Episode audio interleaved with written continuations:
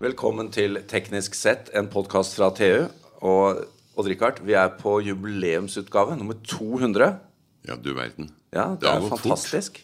Og uh, i og med at uh, vi har litt video her i dag òg, så må vi introdusere vår gjest som du har invitert, fordi hun er min sjef. Ja, det, er, det er litt deilig for deg. Nå slipper jeg å rapportere til deg her i dag. Velkommen, Lise. Lise Lyngsnes Randeberg, president i Tekna og styreleder i TU. Takk. Ja, du skjønner, Odd-Rikard han er veldig opptatt av at jeg må ha en sjef. For han, han har jo kjørt på i mange av disse 200 episodene og ment det at Ja, det siste var at han ville gjerne skyte meg ut i verdensrommet uten retur. Mm, kreativt. Ja, kreativt. Ja, det det. Men det går begge veier, da. For jeg har hatt sånne drømmer om en sånn stor kasse i Finer med Madagaskar på noe hull i. som kanskje jeg kunne sende han til Madagaskar. Det spørs om det er helt innafor det du skal gjøre med de ansatte. Sånn sett fra et fagforeningsperspektiv. Ja, vi må ta det opp med fagforeninga igjen. Ja. ja. Nei, det er jo spennende, da. Ja. Men uh, ja, vi har jo litt sånn kniving. da Han får lov til å klage litt òg. Mm. Men uh, Men er ikke dere Tekna-medlemmer, da? Jo, vi er det. Det er vi som er Tekna-medlemmer. Det er hele to, organisasjonen. To, to. Tekna-medlemmer, ja.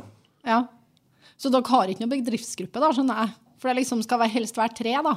Ja, men vi Vi tar jo det på kjøttvekt, da. Jeg tror det. Er det vi, vi nærmer oss fire, tenker jeg. kan hende vi kan ordne en sånn dispens ja. for det. Men, men, Jan, du er jo, du er jo sjef, ja. så du kan jo ikke være medlem av den lokale gruppa. Så han kommer til å bestemme? Ja, da blir jo han eh, i hvert fall leder av gruppa. da, Så da blir jo han din sjef. Dette var interessant. Dette var utspekulert gjort. Vi, uh, det må vi snakke litt mer om etterpå, tror jeg.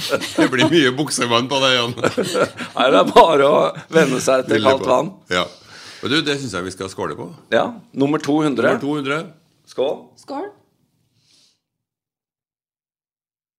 Det er da uten alkohol, for de som måtte lure på det. Um, men um, det er jo Vi har vært igjennom utrolig mange temaer ja, Richard, på disse podkastene. Og um, i dag skal vi vel uh, også snakke om uh, noe sånn innledningsvis som er innafor de 683 favorittemaene dine. Uh, ja, vi skal vi, Jeg tenker vi begynner på fotoner igjen. Det er ja, en interessant sånn. liten uh, masseløs partikkel. Fordi det er sommer. Og det er det. Lise, du er jo professor i biomedisinsk optikk og fotonikk. Ja. Du kan litt om lys, du, og sol og sånn. Ja, det er jo egentlig det. Det fagfeltet høres jo veldig sånn kryptisk ut. Men ja. det handler jo egentlig om hvordan lys vekselvirker med biologiske materialer. Ja. Så når Richard og jeg skal feriere ved sjøen og nyte solen, hva skal vi passe på, egentlig? Dere skal passe på å bruke solkrem. Det er det første. Eller gå i skyggen, da. Det bruker ja, jeg å gjøre. Eller ta en pause. Altså, det er også viktig å ta ja. en pause fra sola midt på dagen. Når uh, UV-strålinga er på sitt mest intense. Nettopp. Og det er jo uh, En ting er jo at eh, man kan jo få hudkreft av det. Det er jo Norge er jo et av de landene i verden med, med høyest fore, forekomst. Vi har lys hud, lite sol. Når eh, sola kommer, så får vi alle sammen panikk for at vi skal gå glipp av noe. Da skal vi ut i den. Og så hopper vi ut, mm. river av oss klærne og springer ut i sola for å få mest mulig. Godt solbrent. Ja, Fra vi er en neve stor. Yes. Og solbrent, det skal dere ikke bli. Du, Med fare for å tråkke over det, er det kjønnsforskjeller på det med solbading? Altså, menn er faktisk eh, dårligere på å beskytte seg mot sola enn ja. kvinner. Og de går også seinere til legen for å få sjekka føflekkene sine. Nettopp. Så mm, ja, jeg vil oppfordre ja. alle mannfolk som hører på denne podkasten, bruk solkrem i sommer. Og solkrem er jo egentlig også ganske interessant, da. For det fins jo Har du noen gang tenkt på hvordan solkremen faktisk virker? Nei, men og hva skal vi kjøpe? Eh, det er mange forskjellige faktorer og sånn. Jeg kan ingenting om solkrem. Nei, altså, For det første så er det viktig å si at solkrem er ikke farlig. Det er noen som tror at det er farlig. Det er kjemikalier vi smører på kroppen, og det er skummelt. Ja. All solkremen som selges i Norge, den er godkjent av Mattilsynet. De har sett på sammensetninga, og det her er trygt. Så finnes det to typer solkrem. Det er en som har det som kalles kjemisk filter. Da er det kjemikalier i solkremen som absorberer sollyset. Altså det er rett og slett molekyler som absorberer sollys, sånn at eh, UV-strålinga aldri når frem til hud og hårflata. Ja. Og så har du en annen type som heter fysisk filter. De inneholder små partikler ned mot nanopartikkelstørrelse, litt større, med typisk sink, sinkoksid ja. eller jernoksid, som egentlig fungerer som sånne små reflektorer. Som, speil, altså? Ja, speil. Som eh, reflekterer sollyset og sender det tilbake igjen. Du blir gående rundt med sånn lysfontene, altså? Ja, du kan si det. Så kan du se på at du har sånn derre eh, superheltskjold. Ja, som. Eh, beskytter deg mot eh, UV-strålinga. Men Lise, jeg har jo vært på besøk oppe i laben din i Trondheim. Ja. Der har du noen sånne spektrale kameraer og noe sånt. Ja. Dette har vel du kanskje sett på? Jo, jo. Jeg har, uh, jeg har jo målt litt på solkrem en gang i tida. Ja. I forbindelse med at jeg var på besøk hos Newton. Jeg skulle forklare for barn hvordan ja. det her virka. Da målte vi ulike typer solkrem og så hvor godt de beskytter, og hvilket bølgelengdeområde de beskytter. For det er også litt viktig. Vi snakker om at vi skal ha UVA-filter og UVB-filter, og hva ja. betyr nå egentlig det? Ja. Eh, det går jo egentlig på hvor kortbølga strålinga er. Vi deler opp UV-strålinga i UVC, det er det mest kortbølga, mest energirike. UVB, som er sånn midt i, og UVA. UVC den kommer ikke fra sola. Nei, den er egentlig farligst, men den treffer oss ikke? Ikke, ikke med mindre det er et gigantisk ozonhull. Eh, okay. For den blir stoppa i atmosfæren. Mm. Men den brukes jo i vannrenseanlegg til å fjerne bakterier på labber og sånne ting. Og så har du UVB, som er det som gjør oss solbrent. Eh, som også gir skade i huden. F.eks. rynker og kreft og sånn. Mm. Og så dannes det også D-vitamin i huden av UVB. Ja, Så den er godartet òg. Sånn sett. Vi trenger jo vitamin D. Ja. Og UVA er med faktisk eh, å gjøre oss brun. Fordi det får pigmentene i huden til å, å både produsere Du produserer mer pigment, men også de pigmentene som er der, endrer seg. De modnes på en måte ja. når eh, sola lyser på deg. For å beskytte deg mot Blir vi litt eh, motstandsdyktige, ja. ja. For det er jo det det er jo det brunfarge er. Det er jo en, en beskyttelse. beskyttelse. Det er jo en reaksjon på at uh, kroppen føler seg trua. Det er kroppens egen solkrem, det. Det er kroppens egen solkrem. Hvor, hvor, mye stopper, stopper uh, sånn beskyttelse når du smører på deg? Hvor mye i prosent som da ikke kommer inn til huden? Nei, altså Det handler jo om hvor mye solkrem du bruker, og hvor høy solfaktor den kremen har. Ja. For det, det, står jo alltid et sånt tall på flaska. Hvor, eh, hvor, høy solfaktor du faktisk har. Har du solfaktor 50, ja. så betyr det at du kan være 50 ganger så lenge i sola uten å bli solbrent. Ja. Ja. For det er liksom det som er målet, da. Solskade på huden. Oh, det... For det er, jo, det er, jo, litt kjipt med sånn hvis man blir solbrent, og så går det bort igjen, og så ser du egentlig ingenting på huden din. Men likevel så er det sånn at uh, den skaden akkumuleres. Akkurat. Så neste gang du blir solbrent, så på en måte bygger du på den skaden som skjedde fra forrige gang. jeg var jo solbrent som barn. Ja. Det var vel de fleste. Ja. Og da var det ikke mye smøring? Nei, da var det jo nesten sånn at man smurte seg med grillolje. Ja, ja, for det er den tredje typen solkrem. Eller, eller det er ikke det, da. Når det begynner å lukte stekt bacon, da er det på tide å gå inn. Nei, dette er jo uh, utrolig spennende. Samtidig så, um, så, er det jo det da, at det ville jo ikke vært noe liv uten lys. Nei, det er jo, lys er jo helt avgjørende. Det, det er jo lys som driver fotosyntesen. Vi ville jo ikke hatt eh, planter heller hvis det ikke var for sola. Og så danner det B-vitamin hos oss. Det kan vi jo få både gjennom kosten, men du får det også, det dannes i huden din når du eksponeres for sol. Og så Eh, styrer lyset. Det er også lyset som styrer døgnrytmen vår. For lyset treffer øynene. Ja. Det er jo sånn Hvis du er ute og reiser og får en kraftig jetlag, så gå ut i sola på, tidlig på morgenen, så går jetlagen fortere over. Ja, det jeg liker jo jetlag, Richard. Ja, jeg vet at du liker det. Eh, ja. På, på CES nå i januar så så, så vi et østerriksk firma. Jeg snakka med dem. De har laga en sånn slags sånn brille, det er en sånn stang som henger over her, men med 50 små blå lysdioder som lyser inn i øyet. Du kunne ha på deg den i noen minutter, sa de, så var mye gjort. Jeg vet ikke om jeg ville ha hatt eh, blått lys eh, direkte inn på øynene. I hvert fall ikke over lang tid. Nei, det var ikke så det var det er ikke liksom døgnet rundt. Du vet, Lys brukes jo til mange andre ting også. Ja. Du kan jo bruke eh, lasere til kirurgi, f.eks. Eller du kan bruke det til kreftbehandling. Eh, men tannleger eksempel, bruker jo også lys til å herde plombene i tennene dine hvis Ja. du har fått høl. Og det blå lyset Tannlegen skal jo ha på seg vernebriller. Det er intenst. Og de skal jo også beskytte deg med et sånt lite filter. Og det er jo fordi at det blå lyset er jo ikke bra for øynene. Nei. Så tenker jeg hvis du monterer dioder rundt øynene, så er det kanskje ikke helt sånn optimalt. Men Richard gjør alt for å kutte seg med jetlagen. Så der er Hvis det hjelper, så tung medisinering og blått lys. Ja. Men Lise, eh, vi må jo komme innpå, da, siden, siden vi begynner å snakke om dette her, at eh, For dette syns jeg er veldig kult, Odd Rikard, at jeg har en sjef som ikke bare driver med dette, men også gründer. Pikterus. Ja. Det har du det har du gründa i tillegg til alt det andre du gjør. Altså, det er jo viktig å si at det har ikke jeg gjort alene. Nei, det vet jeg. Her er det et veldig godt og solid og tverrfaglig team som står bak. Men um, den historien starta jo egentlig i 2012. Da var det en eh, barnelege som uh, banka på døra mi. Han har vært i Tanzania og jobba på et barnesykehus. Og så hadde han sett at der hadde de lite å hjelpe seg med. Og der dør faktisk barn av noe så vanlig som gulsott. For det kan jo nyfødte barn få. 60 ja. av ungene får det etter at de er født. 10% av dem trenger behandling. Det kan behandles veldig enkelt, med lys.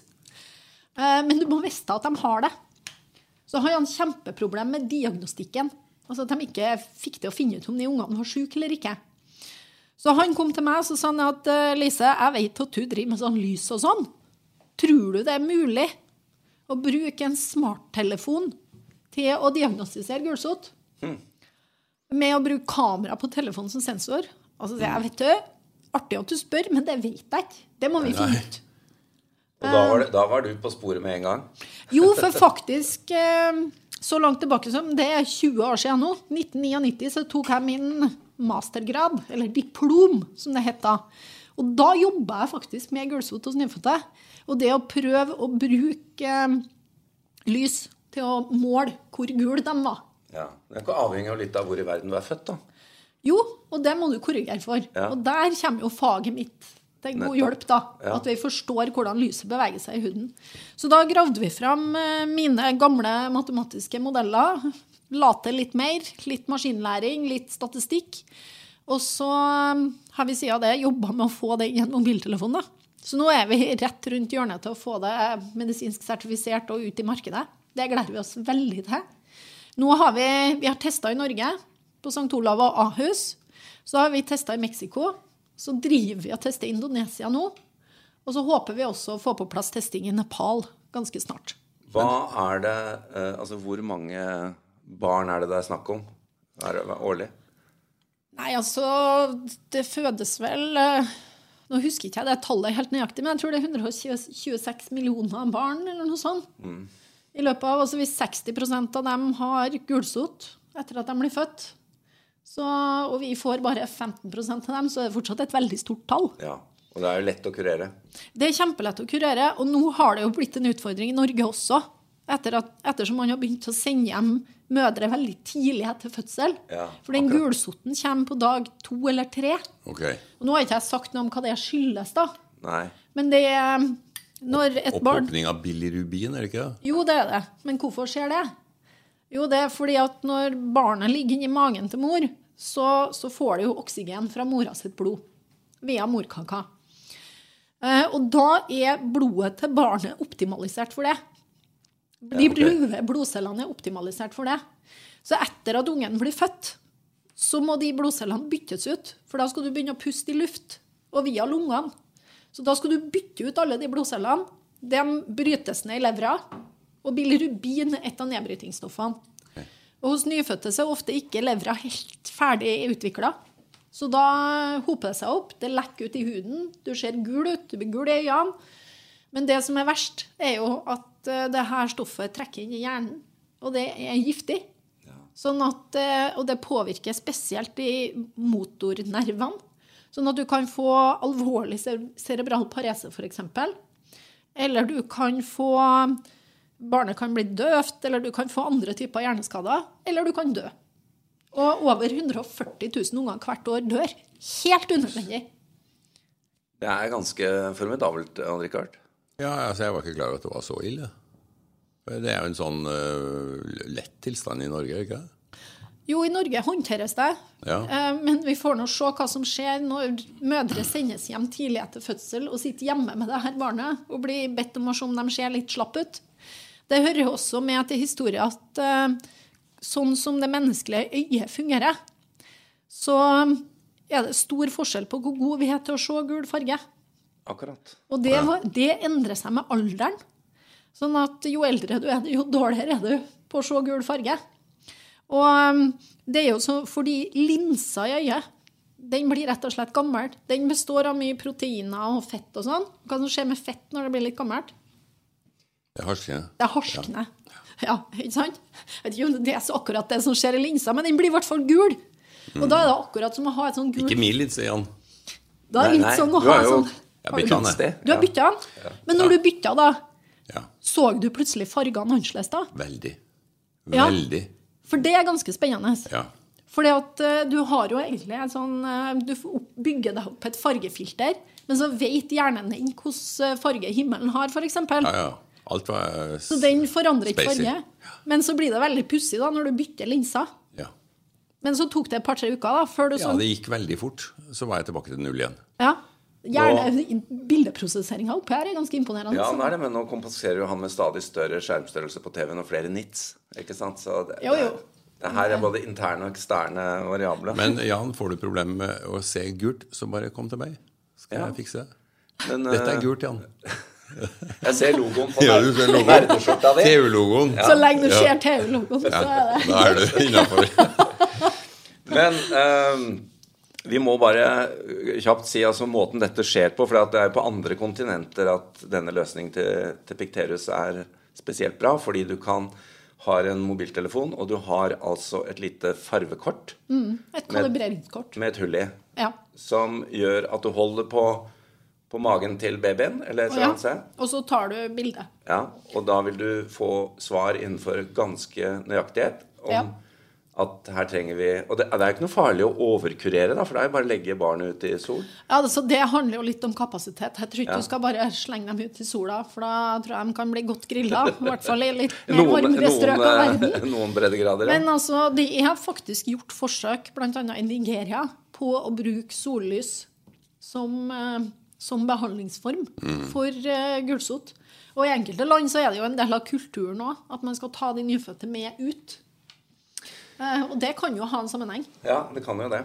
Vi, eh, jeg tenkte Før vi går videre, så må vi også gratulere deg med to nye år som eh, Tekna-president. Det skjedde Ja. nemlig nå forrige. Eh, det var veldig morsomt, Odd Rikard. Jeg var der, og så sier Lisa at min Tekna-energi er fornybar. Ja, det stemmer, det. det tror jeg. Takk for Den er, vold, den er voldsom. Ja, Men uh, skål for det. Og, Skål. og det er jo verdt å nevne også at når vi får sjefen på besøk, så serverer vi jo te og scones, som man gjør i mediebransjen når man får sjefer på besøk. Ja, det, det har vi jo lært. I tre etasjer. Men um, det, det er en fin overgang, egentlig, fordi noe av det vi har snakket kanskje mest om på disse, i, disse, i løpet av disse 200 episodene Odd Rikard, gjennom tre og et halvt år, er jo energi i mange former. Energi har gått gjennom Ja. veldig mange. Og, Det er en stor interesse. Ja. Jeg er jo veldig tilhenger av solenergi. da. Jeg har jo til og med solceller på taket på ja, det har du. Det har du. Ja. Som, som, som sensornerd så er det ganske gøy å følge med. Ja, og med bakgrunnen din nå, så tenker jeg jo eh, Vi, Odd Rikard og jeg, er litt sånn pessimister i det store bildet på om vi klarer å få ned klimautslippene fort nok, raskt nok. Eh, Så vi, eh, vi tenker jo at det her må mye skje mye raskere enn det gjør i dag. Hva, Ja. hva tenker du? Altså, Jeg tror jo vi er i en situasjon hvor eh, vi må ha alle mann til pumpene, bokstavelig talt, for å få det her til. Og jeg tror jo at mye av viljen er der. Men da må vi, i stedet for å skape et sånt ja, et sånt bilde av at nå står vi på randa til katastrofe, det klarer ikke folk å forholde seg til. Vi må heller vise at alle de der små bitene vi gjør, alle de små endringene hver og en av oss gjør, det virker faktisk. Ja, det gjør det. Å gi folk trua på at det her går an å snu. Jeg tror det er ganske viktig. Og um, teknologer har jo en, og realister har jo en viktig rolle her. Det er kanskje vi som har skapt den forurensninga i utgangspunktet, ja. men det er vi som må komme opp med løsninger nå. altså. Ja, men Det er jeg helt enig i. Det er bare at jeg tror ikke at det skjer fort nok. Eh, altså Løsningen Det er jo en massiv utbygging av fornybar energi, men det er også kjernekraft, tror jeg. Som må til, ja? Ja, jeg tror det. Det er altså det eneste som, som virkelig kan endre her fort. Og selv det kommer ikke til å skje fort. Nok. Nei, altså Der kjenner jeg at jeg er litt mer skeptisk enn jeg. Ja, det er mulig. Utdanna strålingsbiofysiker. Med, ja, ha gammakrem og gammabriller, da. Ja, da må du ha gammakremen i orden. For det, vi lager oss jo et avfallsproblem der, med, ikke bare for våre generasjoner, men generasjonene etter oss. Jo, men det fins altså moderne løsninger på det her som vi ikke hadde den gangen vi bygde kjernekraftverkene. Ja.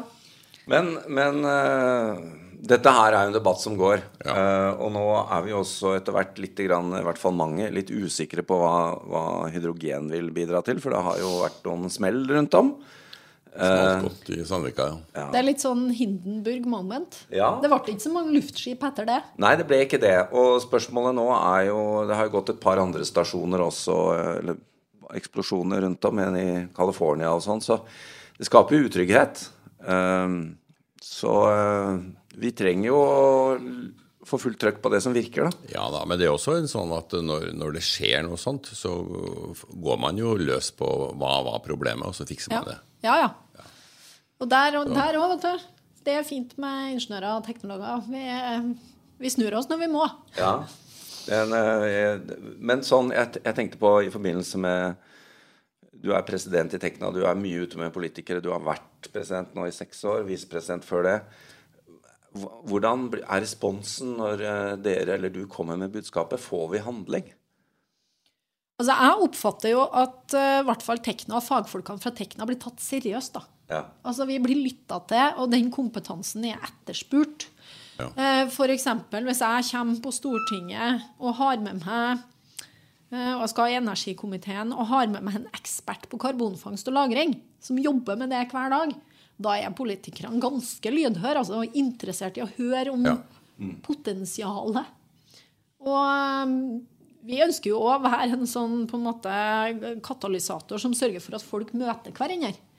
Og jeg ser jo Jeg tror jo at uh, fagorganisasjoner som f.eks. Tekna kan spille faktisk en veldig viktig rolle fremover.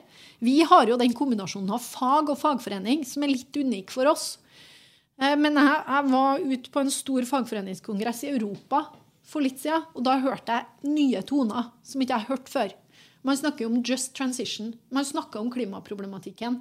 Tidligere har man vært veldig introvert og snakka bare om at uh, altså Det er litt sånn uh, ludittholdninger. At vi skal ikke ha ny teknologi, vi skal ikke ha kunstig intelligens. Vi, vi vil ikke slutte å bygge dieselbiler, og vi skal for all del fortsatt grave opp kull. Det dreier seg om arbeidsplasser òg. Det, det, dreier seg om arbeidsplasser ja. også. Og det er derfor fagforeningene blir så viktige, for å få til den der rettferdige omstillinga som, som uh, gjør at vi fortsatt har et arbeidsliv hvor folk kan ha en jobb og få en lønn, samtidig som at vi gjør de omstillingene som er helt nødvendige i samfunnet for at det skal fortsette å gå rundt. Mm. Og alle ser jo at klimaet er den store utfordringa. Det er jo ikke sånn heller at eh, selvsagt at elbilen kommer til å redde klimaet, men det er jo interessant da, innenfor noen av disse områdene når eh, en, Du nevnte diesel her. Når en eh, dieselbil har 2500 bevegelige deler, mens en elbil av samme størrelse har kanskje under 100 bevegelige deler, så er det ikke bare energibæreren som gjør at dette her kommer til å få traction. Det blir jo mye enklere å produsere. Ja.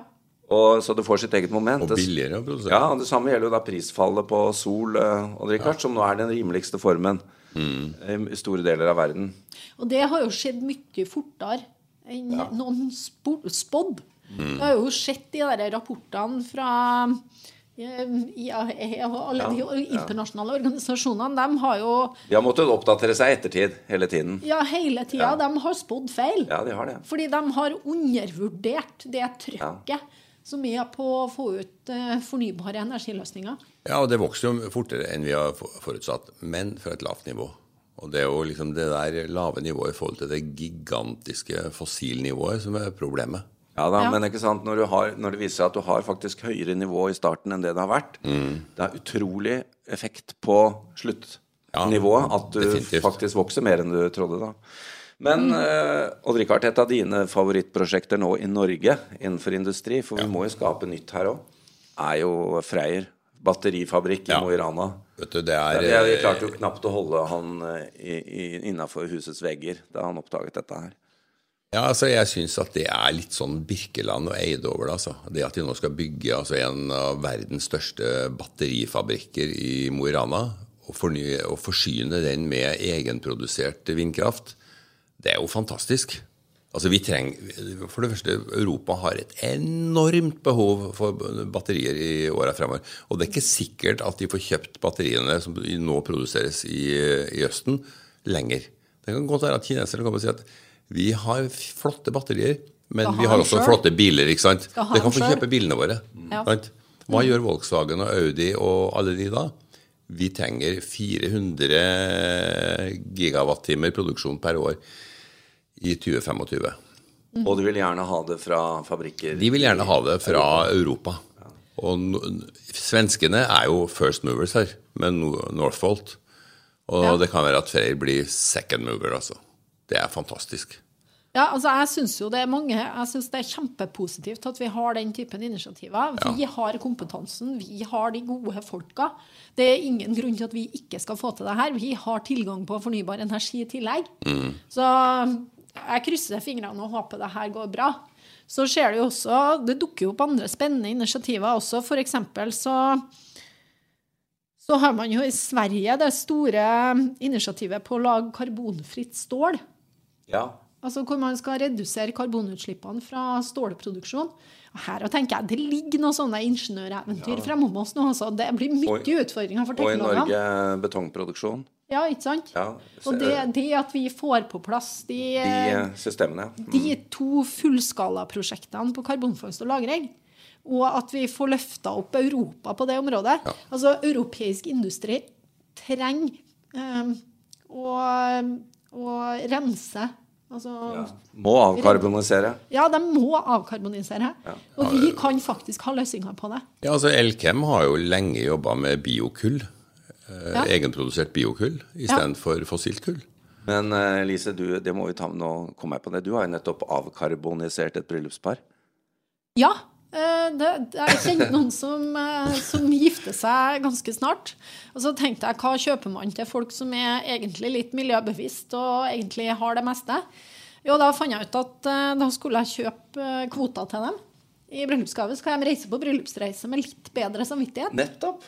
Eh, og det fikser du på nettet. Enkelt som bare det. Så da fikk de et halvt år eh, med karbonnøytralitet i bryllupsgave. Så til de som har alt, så kan du eh, gi litt god samvittighet.